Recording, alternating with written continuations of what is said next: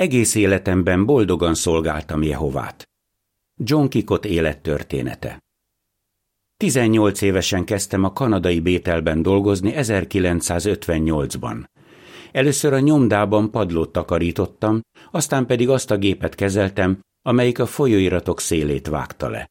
Nagyon boldog voltam, hogy a Bételben lehetek. A következő évben bejelentették a Bétel családnak, hogy önkéntesekre lenne szükség a Dél-Afrikai Köztársaságban, mert az ottani fiókhivatalban beüzemelnek egy új rotációs nyomdagépet. Én is jelentkeztem, és nagyon örültem, amikor megtudtam, hogy kiválasztottak. Rajtam kívül még három testvér kapott meghívást, Dennis Leach, Bill McLellan és Ken Nordin. Tájékoztattak minket, hogy a jegyünk csak oda szól. Felhívtam anyukámat. Anya, nagy hírem van, megyek Dél-Afrikába. Mivel szűkszavú asszony volt, nem sok mindent mondott erre, de tudtam, hogy támogat, mert erős volt a hite, és mindig Jehova volt az első neki. Bár apával együtt szomorúak voltak, hogy olyan messzire kerülök, egy szóval sem ellenezték a döntésemet. Irány Dél-Afrika. Én és a három másik testvér a brooklyni Bételben három hónapos képzést kaptunk a forró olmos szedőgép kezelésére, amelyet a magas nyomtatáshoz használtak. Aztán felszálltunk egy fokvárosba tartó teherhajóra. Onnan még egy hosszú vonatút várt ránk Johannesburgig. Este indultunk, és hajnalban álltunk meg először egy poros kisvárosban, a Káru nevű félsivatagos területen. Nagyon meleg volt, és ahogy kíváncsiskodva kinéztünk az ablakon, azon gondolkodtunk, hogy vajon mibe vágtuk a fejszénket. Később, amikor visszalátogattunk erre a környékre, már nagyon tetszettek ezek a kedves, békés városkák. Néhány évig a lenyűgözően bonyolult linotype gépet kezeltem, amely a betűszedést végezte az őrtoronyhoz és az ébredjetekhez.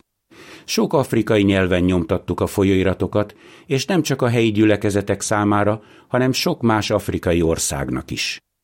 Az új nyomdagép valóban jó szolgálatot tett, ezért úgy éreztük, hogy nem hiába utaztuk át a félvilágot.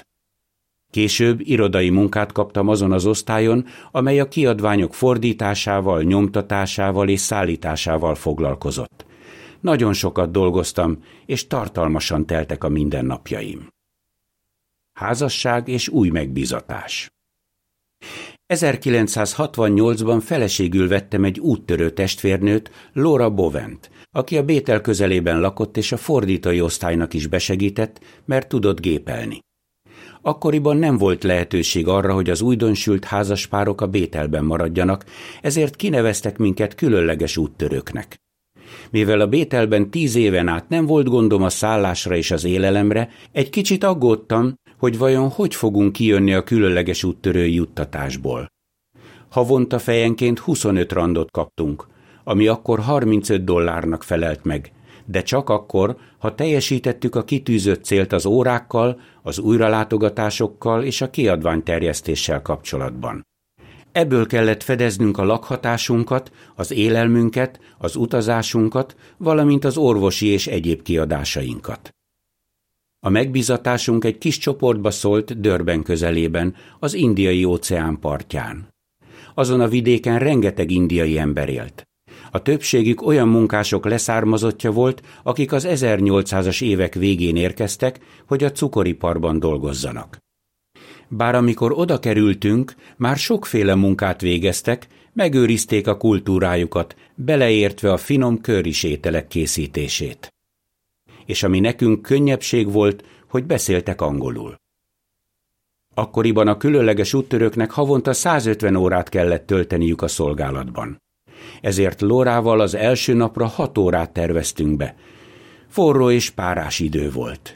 Mivel nem volt egyetlen újralátogatásunk vagy biblia tanulmányozásunk sem, tudtuk, hogy egész nap házról házra fogunk menni.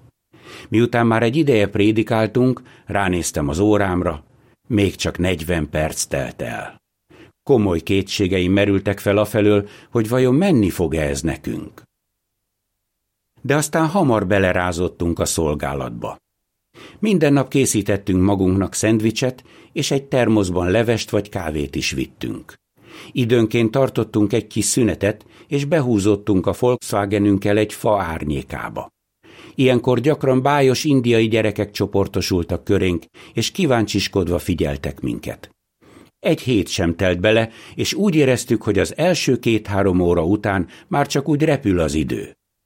Nagyon élveztük, hogy megoszthatjuk a Biblia igazságát a területünkön élő emberekkel. Azt tapasztaltuk, hogy az indiaiak vendégszeretőek, tisztelettudóak, kedvesek és istenfélőek. Sok hindu ember szívesen meghallgatott minket, és örömmel tanultak Jehováról, Jézusról, a Bibliáról, a békés újvilágról és a feltámadásról. Egy év elteltével már húsz biblia tanulmányozásunk volt, és minden nap meghívott minket ebédre valamelyik érdeklődő család. Igazán szép időszak volt. Ám hamarosan egy új feladattal bíztak meg minket. A körzetmunkába kerültünk a gyönyörű indiai óceán partvidékén. Miközben részt vettünk a szolgálatban a hírnökökkel, és bátorítottuk őket, minden héten más-más családnál laktunk. Élveztük, hogy játszhatunk a gyerekeikkel és a házi állataikkal, és úgy éreztük, mintha családtagok lennénk. Két csodás év telt el így. Aztán váratlanul felhívtak minket a Bételből, és elmondták, hogy szeretnék, ha visszatérnénk a fiók hivatalba. Azt válaszoltam, hogy nagyon jól érezzük magunkat a jelenlegi megbizatásunkban. De persze készek voltunk elvállalni bármit, amire Jehova megkért minket. Újra a Bételben. A szolgálati osztályon kaptam munkát, ahol sok tapasztalt testvérrel dolgozhattam együtt. Akkoriban úgy volt, hogy miután a körzetfelvigyázó elküldte a jelentését egy-egy gyülekezetről, a fiókhivatal írt egy levelet az adott gyülekezetnek, hogy bátorítsa a testvéreket, és ha szükséges tanácsokkal lássa el őket. Ez bizony rengeteg munkát adott az osztályunkon dolgozó titkároknak, akik a Xosza, Zulu és más nyelvű jelentéseket angolra fordították, a leveleket pedig angolról az afrikai nyelvekre. Nagyra értékeltem ezeknek a szorgalmas fordítóknak a munkáját, akik abban is segítettek, hogy belelássak a fekete testvéreink nehézségeibe. Azokban az években a dél-afrikai köztársaságban az apartheid rendszer volt érvényben. A különböző rasszok elkülönített területeken éltek, és nem igazán jártak össze egymással. A fekete testvéreink a saját nyelveiken prédikáltak, és ezeken a nyelveken tartották az összejöveteleiket is. Nem sok fekete afrikai embert ismertem, mert mindig angol nyelvű területen szolgáltam. Most azonban volt alkalmam megismerni az ő kultúrájukat is. Megtudtam, hogy milyen nehézségekkel küzdenek a testvéreink a helyi szokások és vallásos hiedelmek miatt. Nagy bátorságra volt szükségük, hogy szakítsanak a Bibliával ellentétes hagyományokkal és a spiritista gyakorlatokkal, mivel ellenségeskedésre számíthattak a családjuk és a helybeliek részéről. Vidéken sokan nagyon szegények és iskolázatlanok voltak, de tisztelték a Bibliát. Kiváltságomban állt segíteni néhány olyan jogi ügyben, amely a vallásszabadságunkat és a semlegességünket érintette. Nagyon buzdító volt látni, hogy a tanúgyerekek milyen bátran kiállnak a hitükért. Sokukat kicsapták az iskolából, amiért nem vettek részt az imádkozásban és a vallásos énekek éneklésében. Az egyik kis afrikai országban, Szvázi földön a testvérek egy másik próbával kerültek szembe. Amikor meghalt második Szobuza király, elvárták, hogy az országban az összes férfi borotváltassa magát kopaszra, a nők pedig nyírassák rövidre a hajukat, hogy így fejezzék ki a gyászukat. Mivel ez a szokás kötődött az ősök imádatához, a testvéreink nem vettek részt benne, és ezért sokukat meghurcolták. Nagyon megható volt, hogy mennyire ragaszkodnak Jehovához. Szóval az afrikai testvéreinktől sokat tanultunk a Jehova iránti hűségről és a türelemről, és ez megerősítette a hitünket. Visszakerülök a nyomdába. 1981-ben megkértek, hogy segítsek a nyomtatás számítógépesítésében. Ez egy nagyon izgalmas időszak volt, mert rengeteget változtak a nyomtatási módszerek. Egy helyi ügynök felajánlotta fiókhivatalnak egy fényszedő gépet kipróbálásra. Elégedettek voltunk vele, ezért a kilenc linotype gépünket lecseréltük öt fényszedőgépre. Ezen kívül beüzemeltünk egy új rotációs offset nyomdagépet. Ezek a változások igencsak felgyorsították a munkát. A fejlődés abban is megmutatkozott, hogy a tördeléshez elkezdtük használni a MEPS-et, a soknyelvű elektronikus kiadványszerkesztő rendszert. Mennyi minden változott az ormótlan és lassú linotype gépek kora óta, amelyek miatt mi négyen Kanadából Dél-Afrikába kerültünk. Időközben mind a négyen megnősültünk, és buzgó úttörő testvérnőket vettünk feleségül. Bill és én a Bételben szolgáltunk, Ken és Dennis pedig családot alapított a közelben. A fiók hivatalunkban egyre több lett a munka. Újabb és újabb nyelvekre fordítottuk le a kiadványainkat, amelyeket itt nyomtattunk és elszállítottunk más fiók hivataloknak. Idővel nyilvánvalóvá vált, hogy szükség van egy nagyobb bételre. Az új fiókhivatal Johannesburgtól nyugatra egy szép fekvésű területen épült fel, és 1987-ben adtuk át. Nagy öröm számomra, hogy végig ott lehettem ebben az időszakban, és hogy évekig a fiók bizottság tagjaként szolgálhattam. Ismét változik a megbizatásunk. 2001-ben nagy meglepetésért. Megkértek, hogy szolgáljak az Egyesült Államok beli fiók bizottságban, amely akkor alakult meg. Bár nehéz volt otthagyni a munkánkat és a barátainkat, izgatottan vártuk, hogy milyen lesz az amerikai Bétel család tagjainak lenni. Mivel Lóra anyukája már idősödött, aggódtunk miatta, mert tudtuk, hogy New Yorkból nem igazán fogunk tudni segíteni neki. De Lóra három húga kedvesen felajánlotta, hogy gondoskodik róla.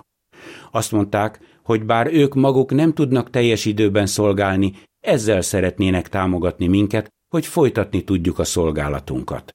Nagyon-nagyon hálásak vagyunk nekik ezért. Az én családomban is hasonló volt a helyzet. Miután az édesapám meghalt, az édesanyám a bátyámékhoz került Torontóba.